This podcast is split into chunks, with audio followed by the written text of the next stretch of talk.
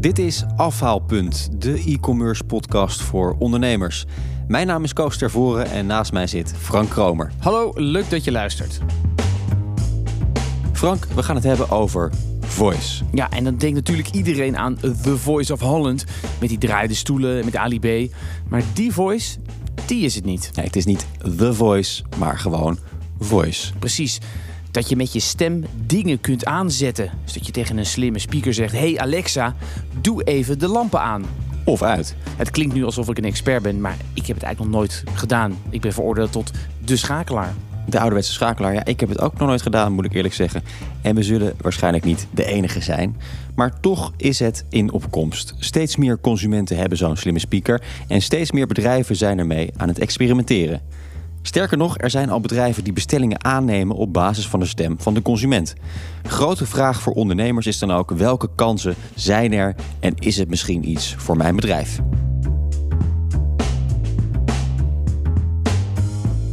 Daar gaan we het over hebben in afhaalpunt. En dat gaan we doen met Vera Rensink. Zij is business developer bij bol.com. En Christian Kwak, hij is digital consultant bij Heineken Nederland. Welkom allebei. Dankjewel. Dankjewel. Dingen aanzetten en eh, bestellen met je stem. Is dat een uh, goede samenvatting van uh, Voice? Nee, Voice gaat wel echt veel verder. Um, als je kijkt naar kopen, het is ook veel meer dan kopen. Het is een stukje pre-sales, een stukje after-sales. Dus het kan zijn dat je aanbiedingen gaat zoeken. Je kunt uh, producten bekijken. Je kunt boodschappenlijstjes maken, recepten zoeken. Dus er is veel meer dan alleen echt het aankoopmoment. En ook na je aankoop zijn er heel veel mogelijkheden. Dus je kunt vragen waar je pakketje bijvoorbeeld is. Of algemene klantenservice vragen stellen. Dus het is echt ja. wel meer dan alleen dat aankopen en uh, je lamp even maar leg aanzetten. even uit, pre-sales. wat doe je dan precies?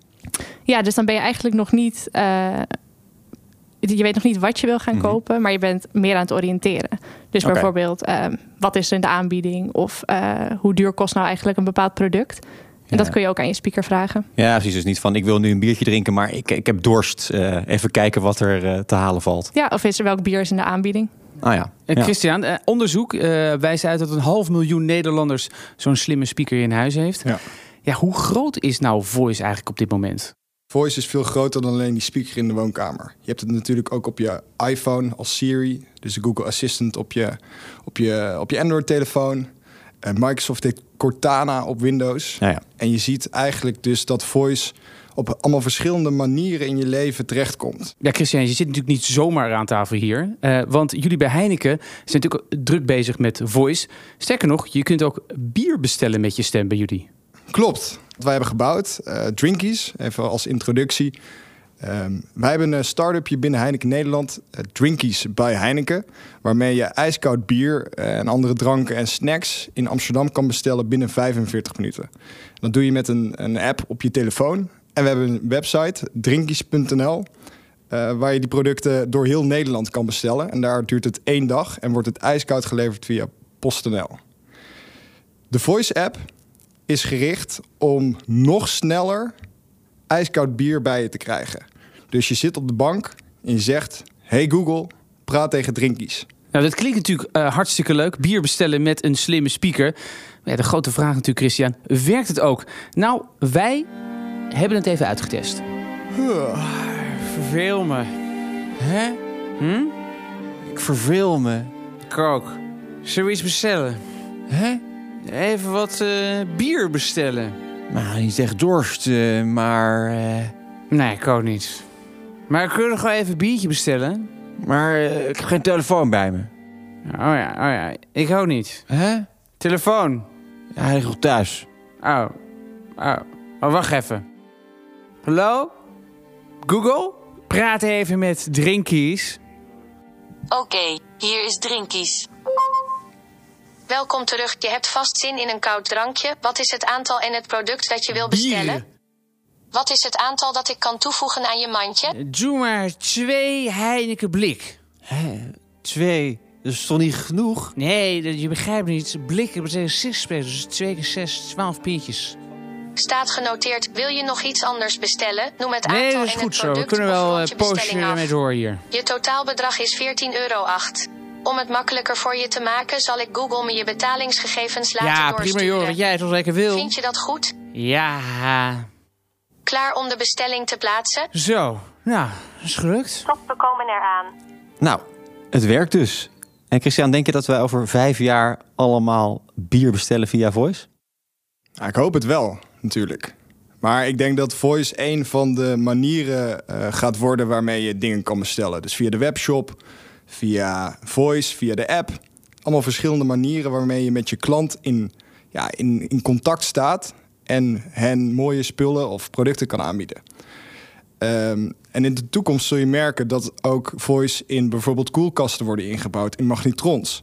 En op basis van wat er in je koelkast staat, kan hij advies geven eh, wat je die avond zou kunnen eten. En dan zou je het wellicht direct kunnen bestellen bij Drinkies of bij bol.com. Ja, ja, moet je wel weten wat er precies in de koelkast staat. Ja, dat weet de, de koelkast dan natuurlijk. Ja, de slimme koelkast. De slimme koelkast. Ja. Je kan dus van alles bestellen. Je kan je pakketjes tracken. Je kan weten wat het weer is. Eigenlijk kan je ongelooflijk veel met Voice als consument. Maar als we het nou eens omdraaien... is Voice dan ook interessant voor ondernemers? Vera? Ja, dus ik denk wat Christian net al heel mooi zei. Voice wordt een nieuw kanaal. Dus als ondernemer heb je nu misschien een app. Je hebt je webshop. ehm, maar waarom niet ook Voice proberen? En ik denk dat Voice eh, voor sommige vragen of voor sommige toepassing... eh, echt een mooie toevoeging kan zijn op wat je nu op je website aanbiedt. Kan je wat- daar wat meer over uitleggen? Wanneer is het echt een toevoeging en wanneer niet? Ik denk als je iets wat je nu op je website hebt, eh, echt identiek gaat namaken en echt heel erg geforceerd met voice aan de slag gaat, dan dat werkt niet.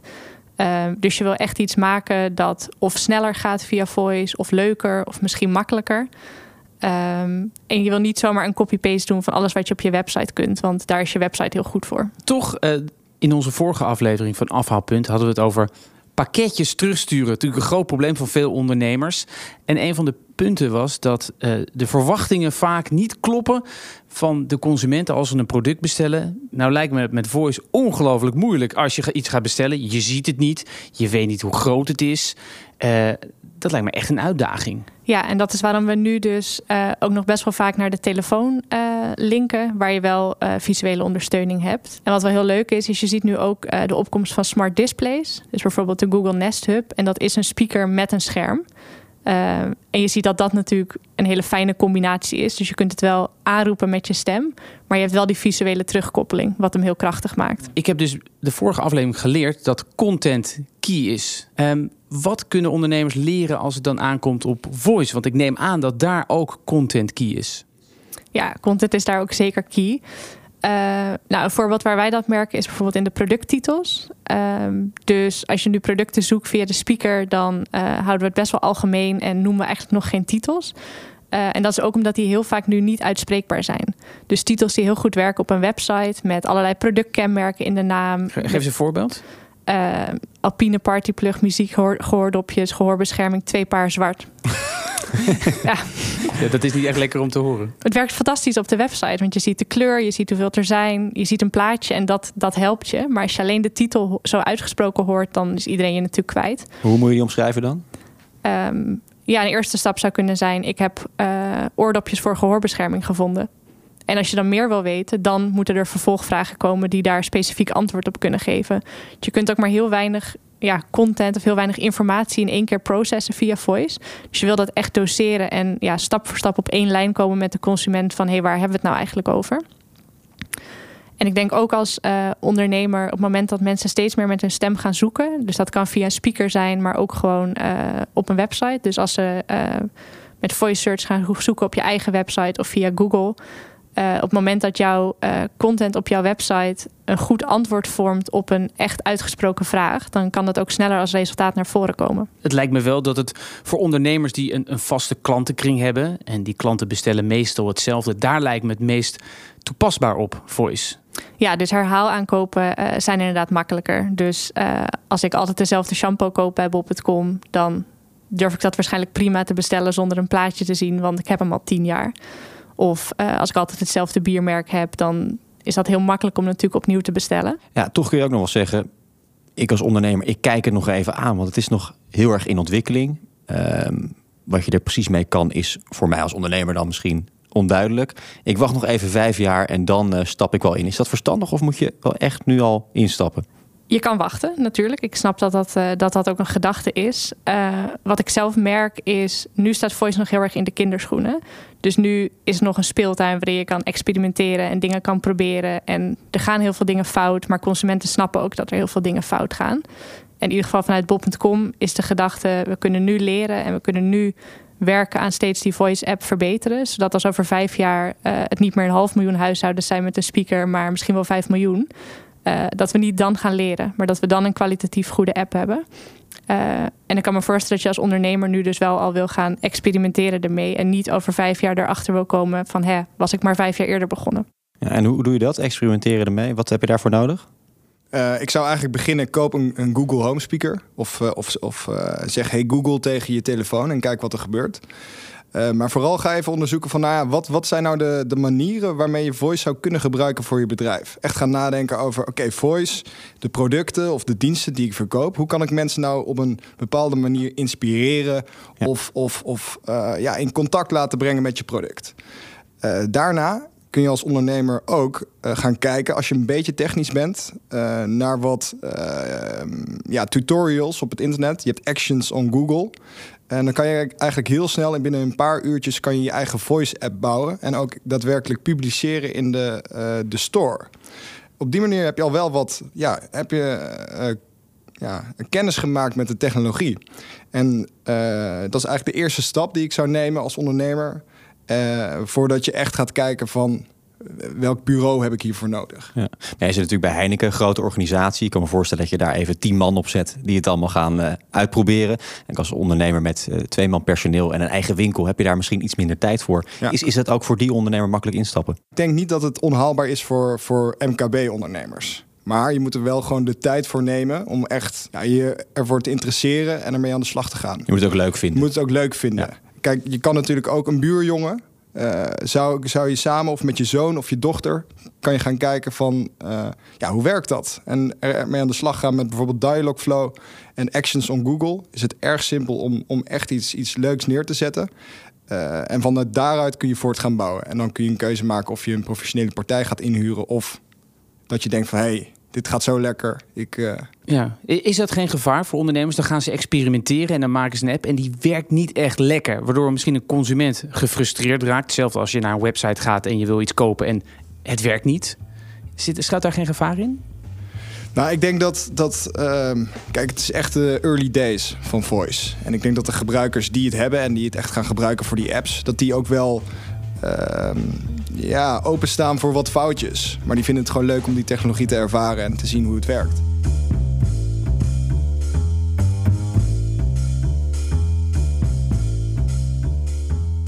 Dan gaan we het hebben over de gevaren. Ja, we ontkomen er niet aan. Er is de laatste tijd natuurlijk veel te doen geweest om het meeluisteren met slimme speakers. Partijen zoals Amazon, Google en Apple kunnen dat en hebben dat ook gedaan en toegegeven. Ja, is dat een uh, zorgelijke ontwikkeling, Vera?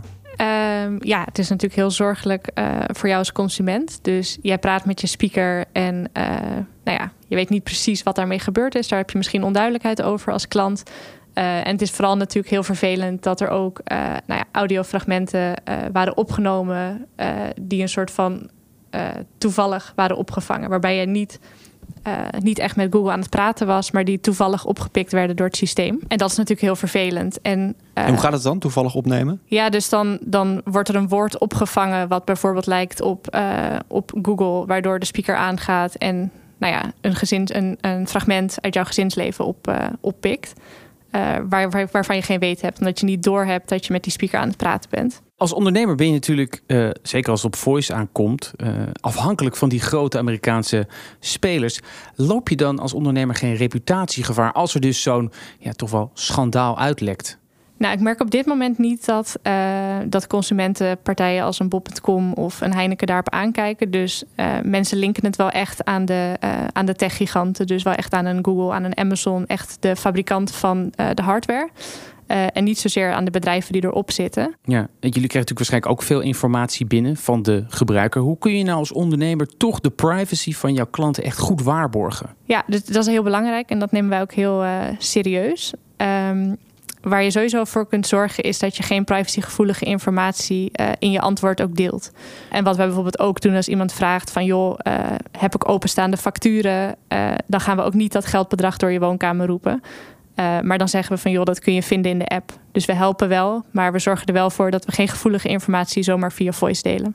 Ja, nee, dat is sowieso belangrijk. Um, kijk, wij maken gebruik van de Transactions API. Dus Google heeft een bepaalde soort techniek om te zorgen dat uh, transacties uh, uh, goed gaan en dat ze ook veilig gebeuren.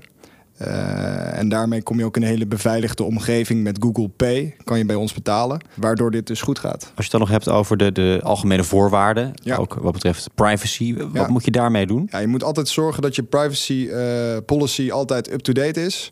Eh, en daar vraagt eh, Google ook expliciet naar bij het eh, publiceren van je Google Action. Dus het is goed voordat je publiceert om daar goed over na te denken en ehm, ja, te laten checken.